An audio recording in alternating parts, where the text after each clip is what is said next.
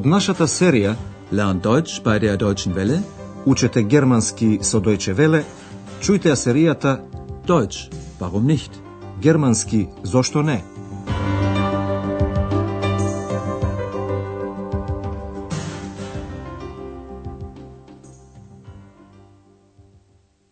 Liebe Hörerinnen und Hörer. Добар ден, почитувани слушателки и слушатели.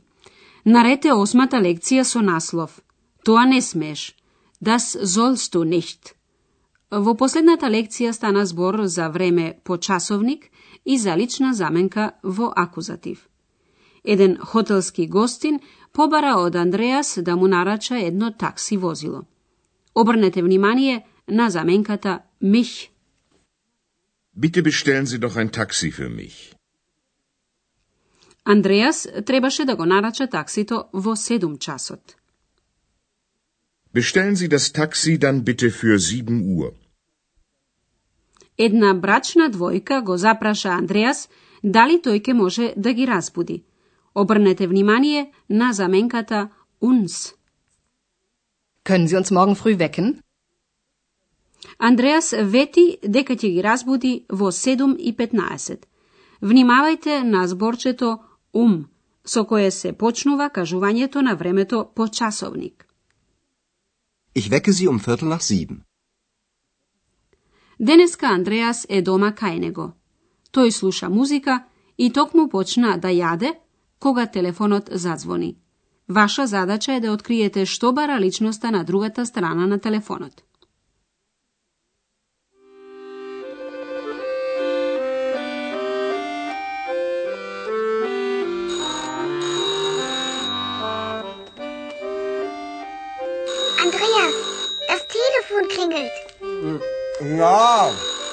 das höre ich.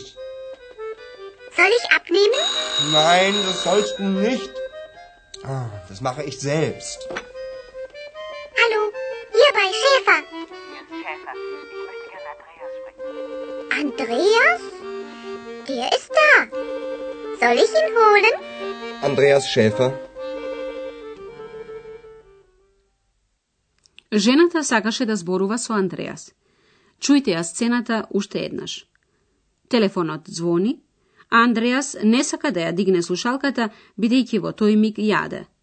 Тој остава телефонот да звони, се додека екс се јави и праша. Андреас, телефонот звони. Andreas, das Telefon klingelt. Тоа секако го слуша и Андреас. Ja, das höre ich. А екс, љубопитна како и секогаш, прашува дали може да ја подигне слушалката. Дали да ја подигнам? Soll ich abnehmen? Дури сега на Андреас му станува јасно за тоа каква намера има екс. Тој забранува да ја дигне слушалката. Не, тоа не смееш. Nein, das sollst du nicht. Андреас додава, тоа ќе го направам лично. Das mache ich selbst. Меѓутоа Андреас доцни. Екс веќе ја зема слушалката и се јавува. Ало, тука кај шефер? Hallo, hier bei Schäfer. На овој начин се јавуваме кога се наоѓаме во туѓ стан. На другата страна една жена прашува за Андреас, а екс одговара дека Андреас е тука. Потоа прашува дали да го доведе Андреас на телефон. Дали да го донесам. Soll ich ihn holen? Андреас скокнува и се јавува со своето име. А сега чујте го разговорот. На другата страна е мајка му на Андреас. Станува збор за глаголите се представува, vorstellen и посети, besuchen. Ваша задача е да откриете кој треба да се посети, а кој да се представи. Andreas Schäfer? Guten Abend, mein Junge. Hallo Mutti, wie geht's? Oh, danke, gut. Sag mal, wer war denn das? Ach, ähm, eine Freundin. So, na, die musst du uns unbedingt vorstellen. Wie bitte? Na, ich mein's ja nicht so. Hör zu, wir möchten dich besuchen. Da li slušnavte koji treba da se posjeti, a koi da se predstavi? Мајка му на Андреас сака да го посети него, а освен тоа, таа сака екс да ја биде представена. Во германскиот вештерот екс е во женски род. Да го чуеме диалогот уште еднаш. По поздравувањето, мајка му го прашува Андреас кој најпрвин се јави на телефонот. Кажи, кој беше тоа? Sag mal, wer war denn das? Андреас рече дека тоа е неговата девојка. Мајка му природно сака да ја запознае. Па неа ќе мораш во секој случај да ни ја представиш. Na, die musst du uns unbedingt vorstellen. Андреас природно е заплашен бидејќи екс е невидлива. Мајка му ја забележува неговата збунетост и вели: Па јас не мислам така. Na, ich mein's ja nicht so. Потоа таа му кажува зошто се јавува на телефон. Слушај, ние сакаме да те посетиме. Möchten dich besuchen. Сигурно може да си представите дека во вториот дел од разговорот станува збор за терминирањето на посетата. Родителите на Андреас сакаат да дојдат на викенд, Вохененде. Jetzt, am Wochenende. Во викендот спаѓа и сабота, замстаг. Токму тогаш Андреас мора да работи. Am Samstag muss ich arbeiten. А сега чујте го вториот дел од разговорот. Ваша задача е да откриете што му кажува господја Шефер на Андреас. Hör zu, wir möchten dich besuchen. Schön. Und wann? Jetzt, am Wochenende. Oh, Schade. Am Samstag muss ich arbeiten. Wie lange musst du denn arbeiten? Bis ein Uhr. Na, das geht doch. Also, wir kommen am Samstag. Wir sind um ein Uhr da. Okay. Bis dann. Мајка му на Андреас му вели дека таа ќе дојде в сабота во еден часот. Кога дозна дека неговите родители ќе дојдат на викенд, тој жалејки вели: "Штета, в сабота морам да работам." Schade. Am Samstag muss ich arbeiten. Господја Шефер го прашува Андреас колку време тој мора да работи. Wie lange musst du denn arbeiten? Андреас работи до еден часот. Bis ein Uhr. За господја Шефер нема проблеми. Па тоа е добро. Na, das geht doch. Таа заклучува со мажот да дојде в сабота. Also, wir kommen am Samstag. Господја Шефер дури и кажува точно кога ќе дојдат. Ние сме во еден часот таму. Wir sind um ein Uhr da. Родителите подоцна ќе го земат Андреас од хотелот. За ова во наредната лекција. Сега ќе ви објасниме уште два модални глагола.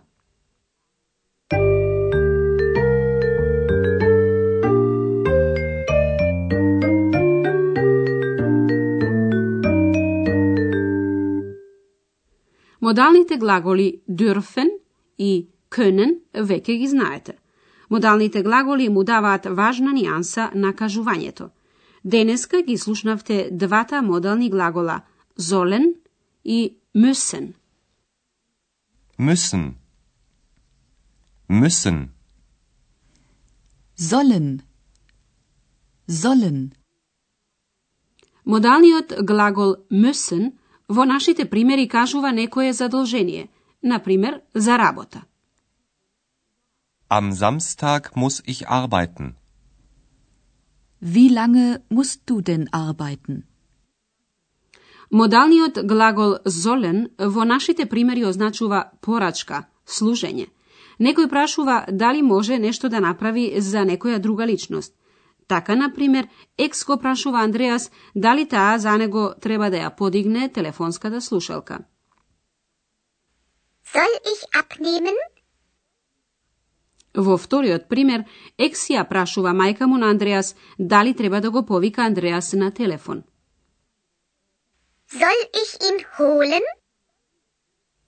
Во наредниот пример, Андреас и вели на екс дека не смее да ја дигне слушалката. Со глаголот золен тука се истакнува забрана. Das sollst du nicht.